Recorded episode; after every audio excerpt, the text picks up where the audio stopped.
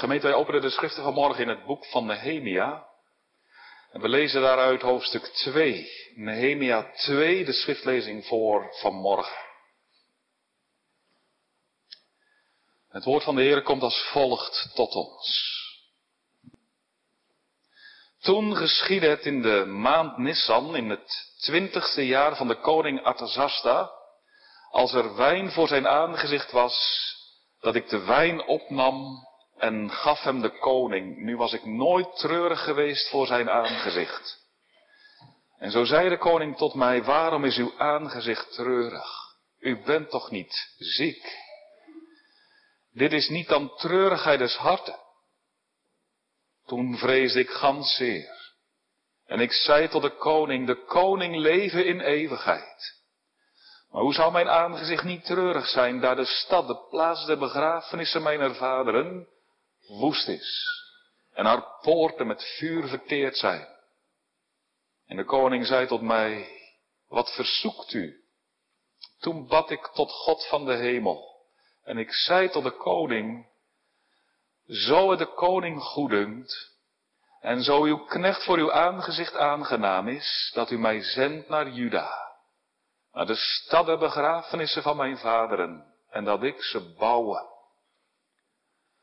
Toen zei de koning tot mij, daar de koningin naast hem zat, hoe lang zal uw reis zijn en wanneer zult u terugkomen? En het behaagde de koning dat hij mij zond als ik hem zekere tijd had gesteld. En voort zei ik tot de koning, zo de koning goedend, dat mij mij brieven geven aan de landvoogden aan gene zijde de rivier, dat zij mij overgeleiden totdat ik in Juda zal gekomen zijn. Ook een brief aan Asaf, de bewaarder van de lusthof, die de koning heeft, dat hij mij hout geeft om te zolderen de poorten van het paleis dat aan het huis is, en tot de stadsmuur en tot het huis waarin ik zal trekken. En de koning gaf ze mij, naar de goede hand van mijn God over mij. Toen kwam ik tot de landvoogd aan gene zijde der rivier en gaf hun de brieven van de koning, en de koning had overste des heers en ruiters met mij gezonden. Toen u Sanballat de Horo, Horoniet en Tobia, de Ammonitische knecht, dat hoorde, mishaagde het hun met een groot mishagen, dat er een mens gekomen was om wat goeds te zoeken voor de kinderen van Israël. En ik kwam te Jeruzalem en was er drie dagen.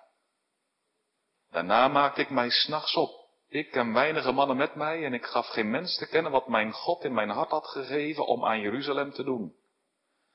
En er was geen dier met mij dan het dier waarop ik reed. En ik trok s'nachts door de dalpoort en voorbij de drakenfontein en naar de mistpoort en ik brak aan de muren van Jeruzalem, die verscheurd waren en haar poorten met vuur verteerd.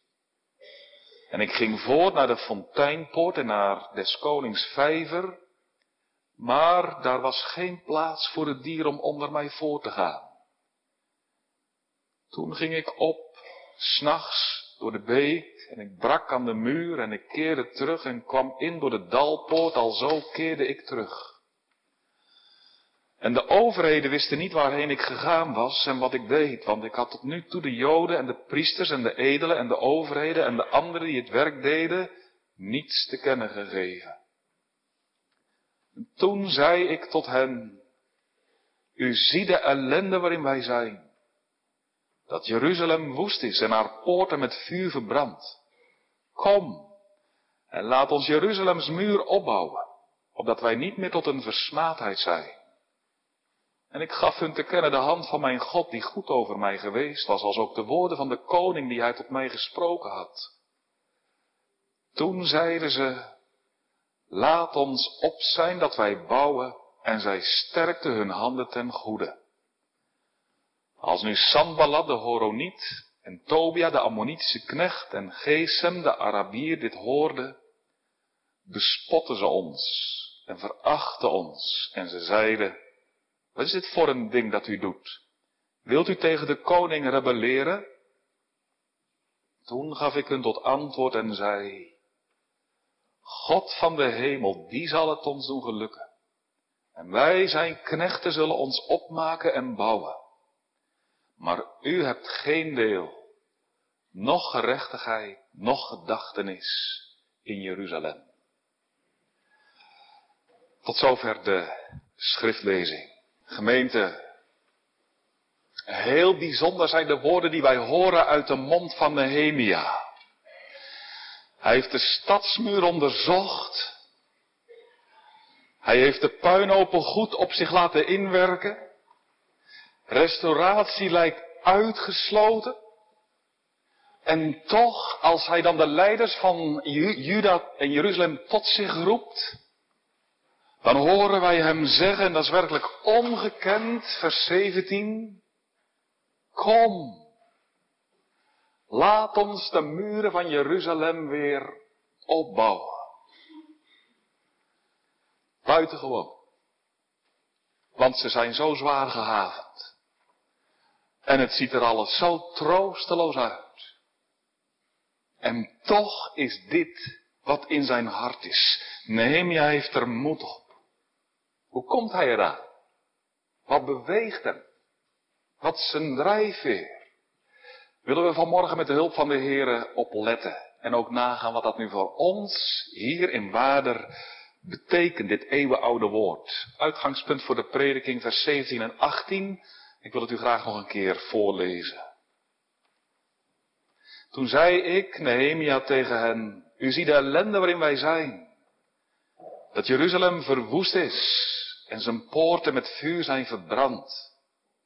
Kom, laten we de muur van Jeruzalem opbouwen, zodat we niet langer een versmaadheid, een voorwerp van smaad zijn. En ik gaf hun te kennen de hand van mijn God die goed over mij was geweest, als ook de woorden van de koning. En toen zeiden zij, laat ons op zijn dat wij bouwen. En ze sterkten hun handen ten goede. Thema voor de prediking van morgen, kom, bouw mee. Bij het begin van het nieuwe seizoen, kom, bouw mee. We hebben drie gedachten. In de eerste plaats letten we op uh, het bezien. En Nehemia ziet de muren. Hij neemt ze in ogenschouw. Inspecteert ze. Bezien. Hè. U ziet, zegt hij ook, hè, u ziet de ellende waarin wij verkeren. Bezien. Tweede, in de tweede plaats letten we op bouwen. En Nehemia zegt, laten we de muur bouwen. In de derde plaats bemoedigen. Want Nehemia vertelt over de hand van de Heer die ten goede is over hem. En dan lezen vers 18 en ze sterkten hun handen ten goede. Mag je ook vertalen met en zij grepen moed. En dus bezien, bouwen en bemoedigen. Gemeente, Nehemia is geschokt. Zijn broer Hanani is vanuit Jeruzalem overgekomen naar de burcht Susan, waar hij verblijft. Een plaats in het huidige Iran. En Hanani heeft hem verteld over de troosteloze toestand van Jeruzalem. De stad, zegt hij, ligt in puin. Is opengebroken. Nog altijd. Zonder muren, zonder poorten, onveilig onbeschermd. En het kleine groepje Joden dat erin in verblijft is, is moedeloos en heeft het zwaar. Die berichten van Hanani ontzetten Nehemia zeer. Zodanig dat hij nog nauwelijks in staat is zijn werk als schenker bij de koning Atazasta, onder ons ook al bekend als Ataxerxes, het te doen. Het verdriet valt van zijn gezicht af te lezen. Zijn ogen zijn rood omrand. Zodra hij zich terugtrekt in de burcht naar zijn eigen kamer in de eenzaamheid, klaagt hij zijn nood uit voor de Heer en laat hij zijn tranen de vrije loop. Nehemia weet wat in het verleden, zo'n 150 jaar voor hem, met Jeruzalem is gebeurd. Strijdkrachten van Babylonië, machtig rijk in het oosten, hebben Jeruzalem met de grond gelijk gemaakt. Er vielen vele doden. Vele Joden werden gevangen genomen en gedeporteerd duizend kilometer verderop naar Babel. Onder hen ook de voorouders van Nehemia. Het was omstreeks 587 voor Christus.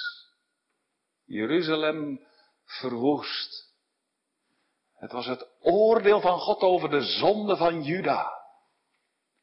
De Heer had zijn profeten vele malen aan het volk gezonden. Met de oproep, bekeer u, bekeer u. Dien mij, breek met de afgoden. Alle vreugde en welzijn is in mij te vinden. Kom, bekeer je. Maar het volk had de oren toegestopt. Weigerde zich te bekeren. En daarom kon het oordeel niet uitblijven. Een God zond de Babyloniërs. Middel in zijn hand. Om het volk te straffen. Nehemia weet dat dat is gebeurd. Nehemia weet ook hè, dat in de achterliggende jaren kleine groepjes Joden toch, toch uit de ballingschap mochten terugkeren naar Jeruzalem. Koning Kores had daar toestemming voor gegeven. Heel bijzonder. En die Joden die mochten terugkeren, die kwamen in Jeruzalem en die hebben ook heel voorzichtig een eerste begin gemaakt met de wederopbouw van de stad en van de tempel. Ook heel bijzonder. Maar nu, nu hoort Nehemia van zijn eigen broer Hanani dat van dat voorzichtige begin niets meer over is. De Joden hebben het bijltje bij neergegooid. Ze zien het niet meer zitten. Moedeloos, ook door alle tegenstand en alle verzet van de vijanden die ook in Jeruzalem wonen. Niemand steekt nog een hand uit. Ze hebben de harp aan de wilgen gehangen. En daarom is het dat Jeruzalem nog altijd een stad in puin is. Nehemia hoort het en hij beseft, als nu niemand iets doet, dan zal Jeruzalem ook een stad in puin blijven. Jeruzalem. Jeruzalem? Stad van God. Stad door God verkozen om daar in Jeruzalem te wonen. God is overal. Alomtegenwoordig. Maar God had in het bijzonder toch Jeruzalem uitgekozen om daar in het bijzonder in zijn huis, de tempel, te wonen te midden van zijn volk. En zal nu deze stad voor altijd een woestenij blijven? Is er niemand die de wederopbouw ter hand neemt? Zal God Jeruzalem voor altijd overgeven? Zal Jeruzalem altijd een zwart geblakerde puinhoop blijven? Zal God niet meer terugkeren naar zijn volk? Niet meer zijn heerlijkheid tonen in de stad van God? Er niet meer verkeren, er niet meer zijn? Oh, dat raakt Nehemia diep. Sterker nog, het breekt zijn hart. Hoofdstuk 1, vers 4. Het geschieden schrijft hij zelf, als ik deze woorden hoorde van mijn broer, dat ik ging zitten en ik weende. En ik bedreef enkele dagen rouw. In de stilte van zijn binnenkamer valt hij op zijn knieën en dan het eerste woordje wat we hem horen uitroepen is het woordje Och. Hoofdstuk 1, vers 5. Och. Och. Och roep je uit als je eigenlijk geen woorden meer kunt geven aan je verdriet. Ken je dat? Weet je, nou weet ik niet meer hoe ik er woorden aan kan geven. Och! Dat is bij Nehemia. Och, wat aangrijpend. En dan doet hij vanuit het diepst van zijn hart een appel op de goede tierenheid van de Heer. Hij gaat smeken om genade. Hij zegt, och Heere, Gena, o God, gena. Want dat is wat Nehemia diep beseft. Dit is wat wij, het Joodse volk en ik nu zo, zo hard nodig hebben. Namelijk dat de Heer het oordeel van ons afwendt. Mannen geeft om de stad te gaan herbouwen in de tempel. Gena, o God, gena. Ja, zegt hij in hoofdstuk 1 vers 7, lezen het. Want, o Heer, wij hebben gezondigd. Daarom is het dat Jeruzalem in puin is. Daarom is dat Jeruzalem nog steeds in puin is. Hoofdstuk 1 vers 7, wij hebben het grondig bij u verdorven. Dat staat. Wij. Niet zij. Onze voorouders, hè, die zo onbekeerlijk zijn. Nee, hij zegt, oh, wij. Wij als volk. Hoor ik ook bij. Wij hebben het verdorven, o God. Wij. En dan doet Nehemia, zoals ik zei, een appel op de barmhartigheid en de goede tierenheid van de Heer. En op dat gebed gaat God wonderen doen.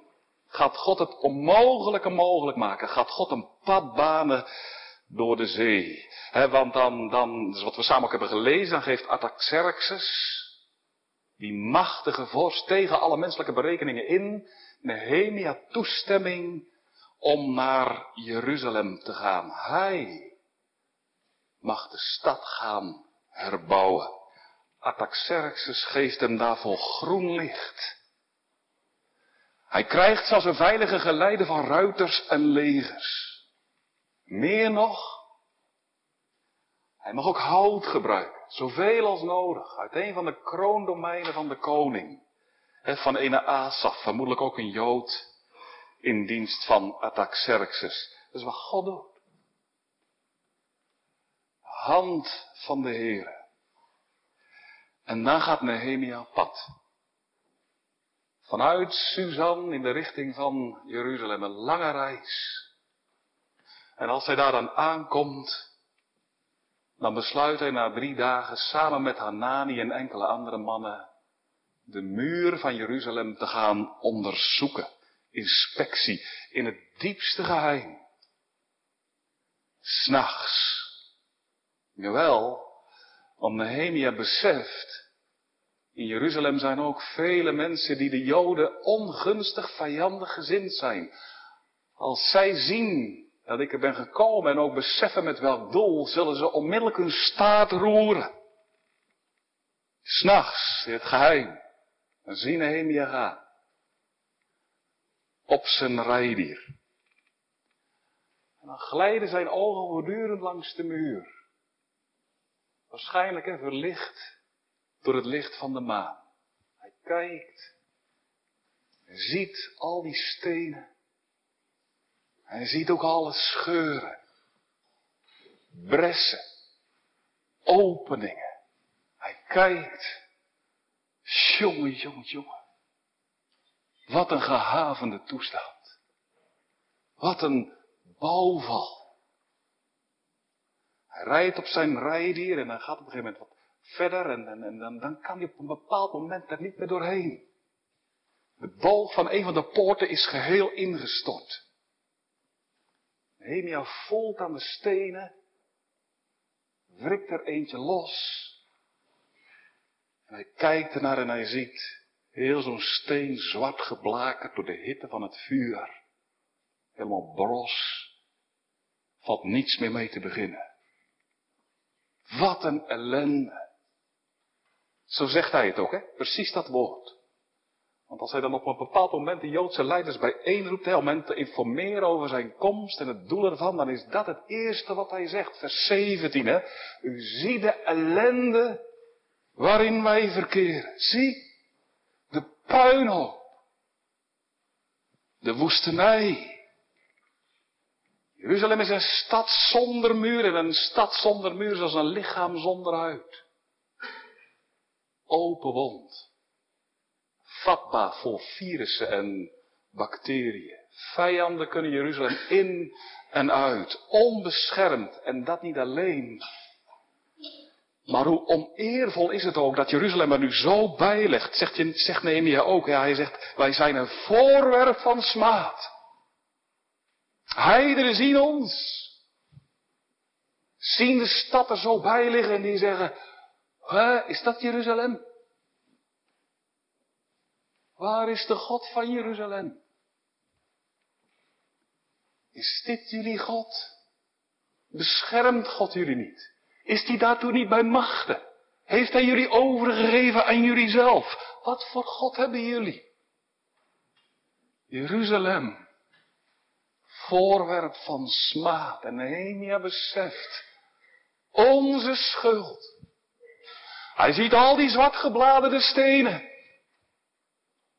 En elke steen getuigt. Je hebt gezondigd. Je hebt gezondigd. Gezondigd. Nu zo beziet Nehemia de muur van Jeruzalem. Onze eerste gedachte. Nehemia doet onderzoek naar de welstand van Jeruzalem. Hoe ligt de stad erbij? Is ze goed beschermd? Hoe is het gesteld met haar muur? Nu.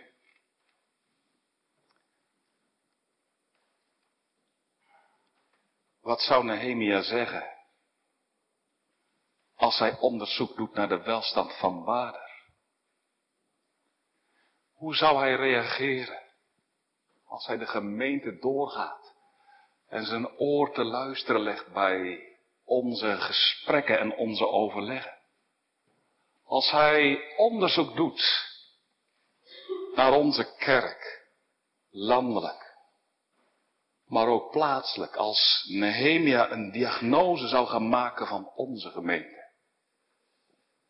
Wat zou hij bij ons aantreffen? Als hij onderzoek zou doen naar de leer die we leren, naar het leven dat we leven. Leven wij nog dicht bij het woord en bij de beleidenis? Is het woord en is de beleidenis, de gereformeerde beleidenis, nog voor ons als een muur om onze gemeente heen? Of vertoont deze muur ook scheuren en breuklijnen en bressen? zodat wij openstaan, ook als gemeente, voor allerlei verkeerde invloeden. Van buitenaf. Van binnenuit. Stel dat Nehemia bij ons vandaag op visitatie zou komen en u persoonlijk de vraag zou, zou stellen van hoe, hoe gaat het met u? En hoe gaat het met de gemeente? Wat zou u dan zeggen? Hoe zou u reageren? Misschien zeg je van nou, ik zou Nehemia eerst zeggen dat wij zo als gemeente zo gezegend zijn met vele voorrechten die wij mogen ontvangen uit de hand van de Heer. Misschien zegt u vanmorgen, daar zou ik me onmiddellijk bij aansluiten. Dat begrijp ik. Dat zou ik ook doen. Als Nehemia hier zou komen, dan, dan zou ik hem ook zeggen, Nehemia, wij mogen ons als gemeente wel bijzonder gezegend weten met vele, vele zegeningen. Wij hebben het woord.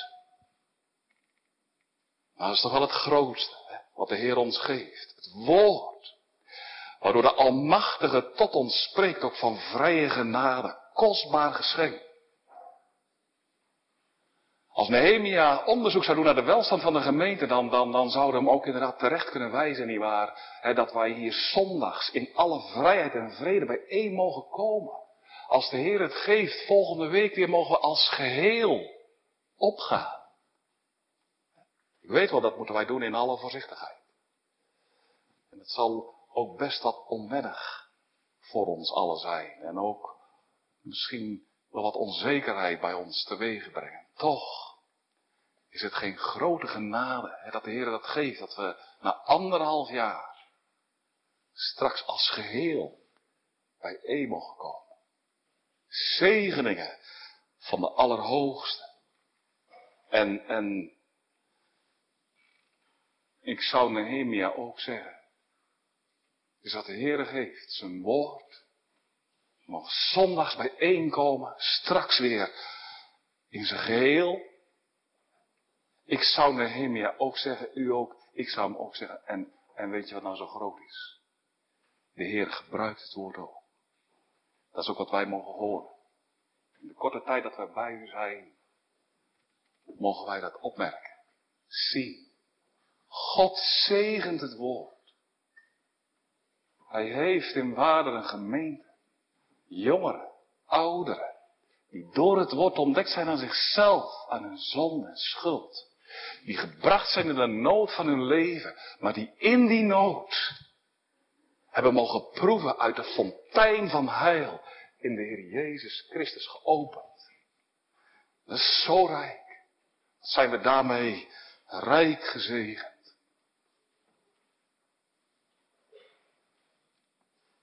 Zou u Nehemia ook tranen laten zien? Nehemia had zelf tranen. En toen hij hoorde van de, van de, van de chaos in Jeruzalem. Hij was zeer bewogen. Hij snikt het uit. Heb u ook tranen? Zou u hem ze laten zien? Tranen. Tranen over jezelf. Over je eigen hart. Je onbekeerlijk hart. Je dwaalziek hart. Tranen ook over al wat gaande is in de kerk. Alle ontwikkelingen die op het kerkelijk erf zich voltrekken. Als ik denk ook aan alle kerkverlating die zich de laatste jaren, de laatste decennia plaatsvindt. Vele jongeren en ouderen die, die de kerk terug toekeren hè, en die breken met het woord. Dat gaat ook waarder niet voorbij. In de achterliggende weken hebben we inmiddels ook diverse ouders gesproken. En die me vertelden over hun grote verdriet omdat hun kinderen zijn afgehaakt. Of omdat ze zorg ervaren over hun kinderen die, bij wie de band met de kerk en met het woord al losser en losser wordt. Hoe aangrijpend. Geeft dat bij u ook tranen? Verdriet. O God.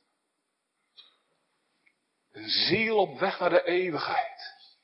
Niet meer onder het woord. Stemt je dat niet droef? Tranen.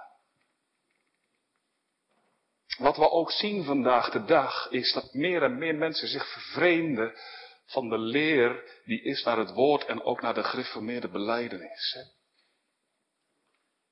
Meer en meer gemeenten als die van Wader komen onder invloed en onder de bekoring van, ja, laten we zeggen, evangelisch-arminiaans getinte stemmen. Hoe is dat in waarde? Engelstalige predikanten spreken wel hè, over easy believism.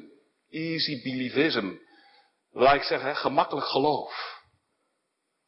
Gemakkelijk geloof namelijk, hè, Geloof dat leert van ja, de Heer Jezus is naar deze wereld gekomen. Hij is voor de zondaren gestorven, voor alle mensen. Geloof het.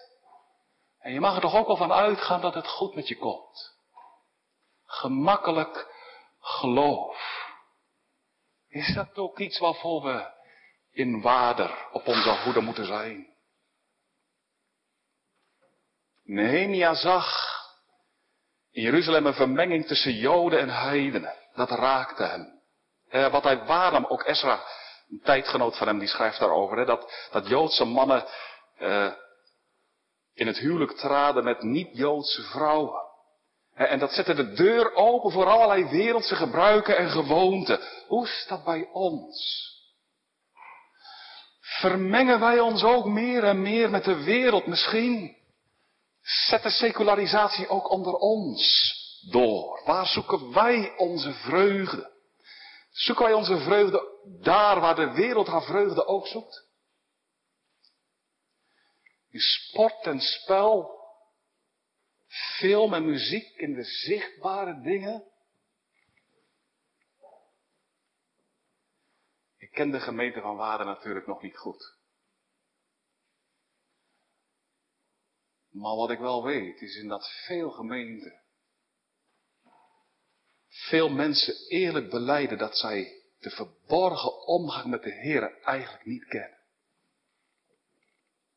De verborgen omgang, dat, dat, dat, dat je in de stilte de gemeenschap zoekt met de Heer. Velen spanderen heel veel tijd wel achter het scherm bij het beeld. Gemiddeld drie uur op een dag, drie uur op een dag achter het beeld.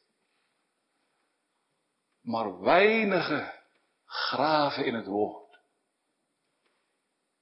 Ah, misschien een enkele minuut. Drie, vier, vijf, hooguit. Wel het beeld, maar niet, woord, maar niet het woord. Als dat zo is ook onder ons, kan het dan toch niet anders zijn dan dat het leidt tot, tot, tot, tot verwatering. En tot geestelijke oppervlakkigheid toch. Hoe is het? In Wader. Nehemia neemt de muur van Jeruzalem in ogenschouw en hij raakt diep onder de indruk van alle verval. Oh, wat erg, zegt hij. Aangrijpend. Onze schuld. Maar wat nu zo bijzonder is, is dat Nehemia geen punt zet. Nee. Hij eindigt niet in mineur. Hij zegt niet van, nou mannen, ik heb, ik heb me erin verdiept, ik heb alles onderzocht. Ik zie de toestand, het is hopeloos. Ik weet er ook geen raad meer mee. Ik ga maar weer. Tot ziens. Nee, is niet wat Nehemia doet. Integendeel. Hij roept de mannen bijeen. En dan zegt hij, mannen, ik heb alles goed onderzocht. Ik zie de puinhoop. Meer dan erg. Maar kom, laat ons bouwen de muur van Jeruzalem. Wat zeg je Nehemia? Meen je dat? Heb jij een hoop voor? Werkelijk? Waar grond je die hoop op? Heb je werkelijk er nog moed op dat het goed kan komen met Jeruzalem? Hoe kom je erbij? Nehemia zegt, Laten wij bouwen. Jawel, ik weet wel wat er aan de hand is. Ik zie het wel. Maar. En dan lezen we dat zo kostbaar wat hij dan optekent in vers 18. Hij zegt, ik gaf hun te kennen de hand van mijn God die goed over mij was. Vers 18.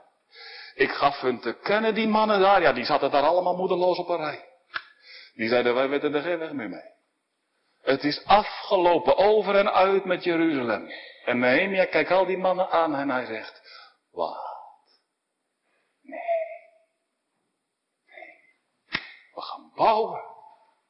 Bouwen. Kom. Hand uit de mouw. Hand aan de ploeg. Laat ons bouwen. Nehemia, hoe kom je erbij? Oh, en dan gaat Nehemia wijzen niet op zichzelf, op God. Hij zegt, als het van ons afhangt, ja, dan kunnen we nou maar beter allemaal weggaan. Maar God, God kan het ons doen gelukken. En dan gaat Nehemia die mensen bemoedigen en dan gaat hij hen wijzen op wat God tot nu toe heeft gedaan. Over alle hulp die hij van Ataxerxes heeft ontvangen.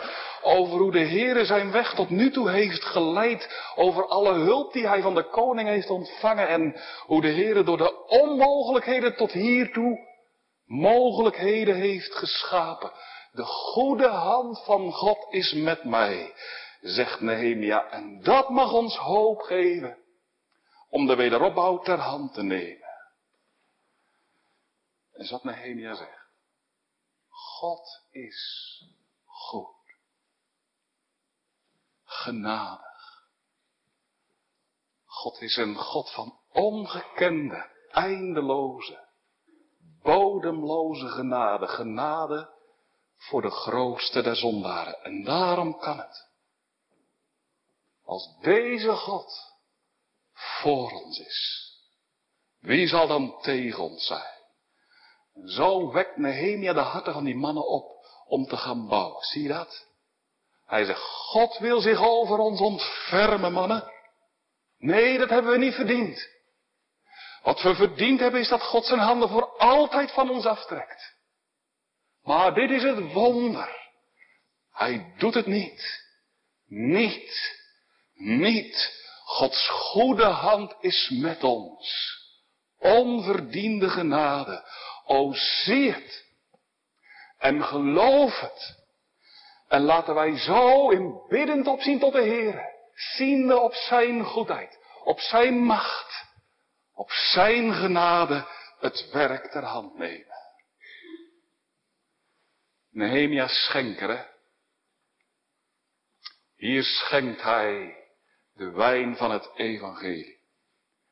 De wijn van Gods genade. Van zijn liefde. Hij zegt, God zal het ons doen gelukken. God zal Jeruzalem herbouwen uit het stof. En, en, en hij zegt, als God dat nou gaat doen. Het is enkel genade. Hij zegt, mannen, zul je dat niet meedoen? Zul je dat niet meebouwen? Nee. Dat God een God van genade is. Dat is ook wat hij vanmorgen in Waarder laat verkondigen. En dat God een God van genade is. Blijkt dat nu niet eerst en vooral uit het feit dat wij het woord van de Heer mogen hebben. dat is me toch rijk dat God ons de schriften geeft. Oh, wat zijn we daarmee gezegend. Had de Heer er zo anders kunnen doen. Het had ook zo kunnen zijn dat we na anderhalf jaar corona hadden moeten zeggen. De deuren gaan dicht. Volgende week niet de helft. Geen één. Er gaat nu een virus rond. Vele malen erger. We hebben nu een variant. De een na de ander wordt er doorgeveld. Nee, is wat God niet doet. God zet de deuren open. En het woord ligt op de kansel. Oh, hij had de kandelaar van het evangelie kunnen wegnemen. Is, is waar we het naar gemaakt hebben, toch? Zie de genade van God ook vandaag. Hij had kunnen zeggen, vader, nee. Alle andere kerken open. Vader, dicht. God zegt, vader ook open. Het woord. Oproeft de genade. Is onverdiend. God geeft het. Wat rijk. Zie het. Geloof het. En hoor ook de stem die we elkaar mogen, het, het woord dat we elkaar mogen toeroepen. Kom, als God nu zo goed en genadig is, laten wij dan bouwen. Laten wij bouwen ook de gemeente van Waarder. Bouw mee. Dat is de uitnodiging die vandaag uitgaat naar uw adres. Heel persoonlijk. Kom. Bouw mee. Kom. Draag zorg voor de gemeente.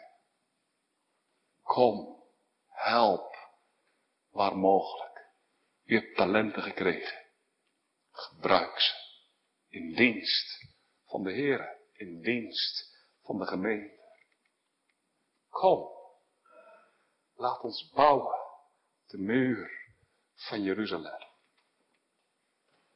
Hoe kunnen we dat doen? Wat betekent deze deze oproep concreet? Hoe kunnen we de belangen van de gemeente dienen? Mag ik enkele dingen noemen? Eerst is dit. Het hart van de gemeente is de zondagse prediking. De prediking is de dienst van de verzoening. De Heer wil hier zondags het bloed van zijn zoon, de Heer Jezus Christus, laten druppelen. Op harten die verslagen zijn vanwege de zonde, die vrezen voor de dood. De dienst der verzoening is op zondag. Klinkt de stem van de Heer.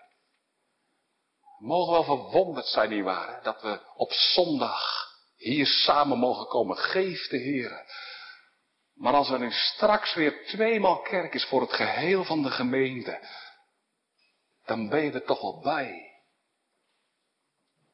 Daarmee dient u de gemeente. Dan laat je toch geen verstek gaan. Jonge mensen, ook jullie. Het zal wennen zijn. Hè? We zijn gewend om, om één keer op zondag naar de kerk te gaan. Maar straks gaan we weer twee keer. Wees erbij. Kom. Kom trouw op onder de verkondiging van het woord. En wek elkaar ook op om, om dat te doen. En als je iemand mist in de gemeente, spreek elkaar aan. Joh, je was er niet. Is er misschien iets? Kom, ga met ons mee naar het huis van de Heer. Kom op onder de verkondiging. Hier is alles te krijgen. Brood voor hongerigen. Wijn voor dorstigen. Leven, liefde, zaligheid, fonteinen van heil. Kom op onder het woord. En als je nou weer naar huis gaat, heb het met elkaar over dat wat je hebt gehoord. Spreek over de preek. En moet je niet zeggen, ah, dat was een mooie preek. Nou, ik vond niet zoveel aan. Nee, maar, maar, maar stel elkaar de vraag van, wat heb jij vanmorgen gehoord voor een boodschap? Wat was de boodschap die vanmorgen tot je kwam? En wat betekent dat voor ons? Nu, kom op onder het woord. Dat het eerste. Tweede. Zijn vele activiteiten in de gemeente heel kostbaar. En u wordt van harte uitgenodigd om eraan deel te nemen. Ja, dat kan niet altijd, dat begrijp ik ook wel. En we zijn mensen met beperkingen, dat hoeft ook niet. Je hoeft je ook niet uh, schuldig onder te voelen. Je kunt niet op alle plaatsen tegelijk zijn. Maar toch zie wel de goedheid van de Heer. In al die mogelijkheden die Hij ons geeft om elkaar te ontmoeten, ook door de weeks. Bij het woord, op de zondagschool. Op de clubs, de catechese, de verenigingen. Het is toch rijk dat we dat hebben.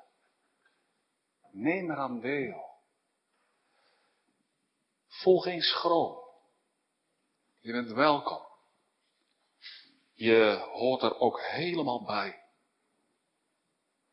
Derde. Er is in de gemeente veel betrokkenheid op elkaar. Hè? Dat is wat we wel hebben geproefd. Velen zijn voor elkaar tot een hand en een voet. mooi, dierbaar om te zien. Laten we dat ook tegelijkertijd versterken, waar mogelijk en waar nodig. Wij zien in het boek Nehemia, hoofdstuk 5, dat hij oog krijgt voor de armen in Jeruzalem. En dan gaat hij diaconale handreiking doen.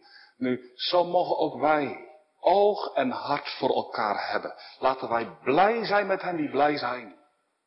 En laten wij bedroefd zijn met hen die bedroefd zijn. Vierde. Als je in de omgang met elkaar iets ziet bij elkaar, dat, dat waarvan je moet zeggen, ja, dat is eigenlijk toch in strijd met leer en leven zoals we dat vinden in het woord en in de gereformeerde beleidenis. Spreek elkaar erop aan. Ja, ja, dat mag. Dat Paulus ook zegt, vermaan elkaar. Dat mag je doen. Stel jezelf daar ook voor open. Het benoem bij elkaar wat niet goed is. Ja, niet met de botte bijl natuurlijk. In liefde. In waarheid. Mag je doen. Laten we de dingen ook gewoon bij de naam noemen. Als het gaat over vrije tijdbesteding. Als het gaat over mediagebruik. Als het gaat over kleding. Laten we dat doen. Eerlijk, bescheiden, ootmoedig. Vijfde. Nehemia gaat straks daadwerkelijk aan de slag. Hè? Dat is wat we zien in hoofdstuk 3. Hij gaat echt bouwen. En dan, dan is het zo mooi. Oh, moet u thuis maar eens nalezen, hoofdstuk 3. Hè? Dan, dan, dan zie je dat iedereen een eigen plekje krijgt bij de muur. Sena en zijn familie gaan bouwen bij de vispoort. Salm en zijn familie bij de fonteinpoort. Hannen en zijn familie bij de dalpoort. Ieder krijgt een eigen plekje. Nou, zo zijn er in de gemeente ook allerlei taken. En velen vervullen ook een taak. Mooi. Kostbaar om te zien. Wordt heel veel werk achter de schermen gezet. Maar als, als, als binnenkort misschien op u een beroep wordt gedaan. Om ook mee te bouwen, concreet een taak op u te nemen. Doe mee. Krijg je nooit spijt van. Het is toch een voorrecht als je dat mag doen voor de gemeente. Niet waar? En wij hadden in Driesem, een, een, op, op, een bepaald moment, Driesem waar we hebben gestaan, in de gemeente daar, bij Dokkum. Op een gegeven moment zochten we eens kerkraad en koster. En onze gedachten gingen uit naar een jonge man. Vele jaren in de wereld geleefd, met de kerk gebroken. Maar de Heer had, had in zijn hart ingegrepen en, en, en hij had de gang naar de kerk weer mogen vinden. tot, tot onze vreugde en ook die van hemzelf. En toen gingen we naar hem toe. Zou jij koster willen worden? Hij zei, ik? Hij zei, maar dominee, u weet toch al wie ik ben? Ik zei, ja, dat weet ik wel. Ik zei, de Heer weet het nog veel beter wat in ons hart is. Hij zegt, mag ik dat doen? Zou ik koster mogen worden? Ik zeg, joh, we zouden blij zijn als je dat wil doen. Hij zegt, dan wil ik het doen. Als de Heer mij wil hebben, dan doe ik het. Nou zo. Mag ik iets doen in de gemeente van Waarder? Mag ik hier volgaan? Mag ik aanschuiven bij de mannenvereniging? Mag ik ook naar de catechese? Kom. Maar dat heb ik niet verdiend. De Heere nodigt u. Wees erbij. Bouw mee. Dominee, ik ben op hoge leeftijd gekomen en ik kan met beperking, ik ben ook vaak ziek. Ik kan helaas voor de gemeente niks doen. Dat is niet waar. Ik wil nog één ding noemen, het zesde. Voor u die dit zegt, de grootste taak in de gemeente. Om mee te bouwen. Wat dan? Gevouwen handen. Bid voor de gemeente. Bid voor haar welzijn. Vraag de Heer om nieuwe uitgietingen met zijn Heilige Geest. Opdat zondaren die nog voor eigen rekening leven ontwaken. Overtuigd worden van de zonde, hun verlorenheid en het oog mogen slaan op de Heer Jezus Christus. Bid voor de gemeente, bid voor de prediking, bid voor al wat in de gemeente plaatsvindt. Vraag de Heer om zijn zegen. Op het gebed. Dat zien we hier bij Nehemia. Wil de Heer grote wonderen doen. Nu. Zo wekt Nehemia op om te bouwen. Hij bemoedigt ook. En dat mogen wij ook doen. Elkaar bemoedigen. Als er binnenkort misschien zich iets voordoet in het midden van de gemeente, of op de vereniging, of op de club, dat je zegt van nou weten we niet meer hoe het moet. Dan mag je elkaar wijzen op de machtige hand, de goede hand van de Heer. Laten we dat doen. Laten we elkaar opwekken om het hoofd omhoog te heffen. En te zien op de genade die er is bij de Heer. Zie op de hand, de goede hand van de Heer. Want Gods rechterhand is hoog verheven. Des Heere sterke rechterhand. Doet door haar daan de wereld beven. Houdt door haar kracht Gods volk in stand. Amen.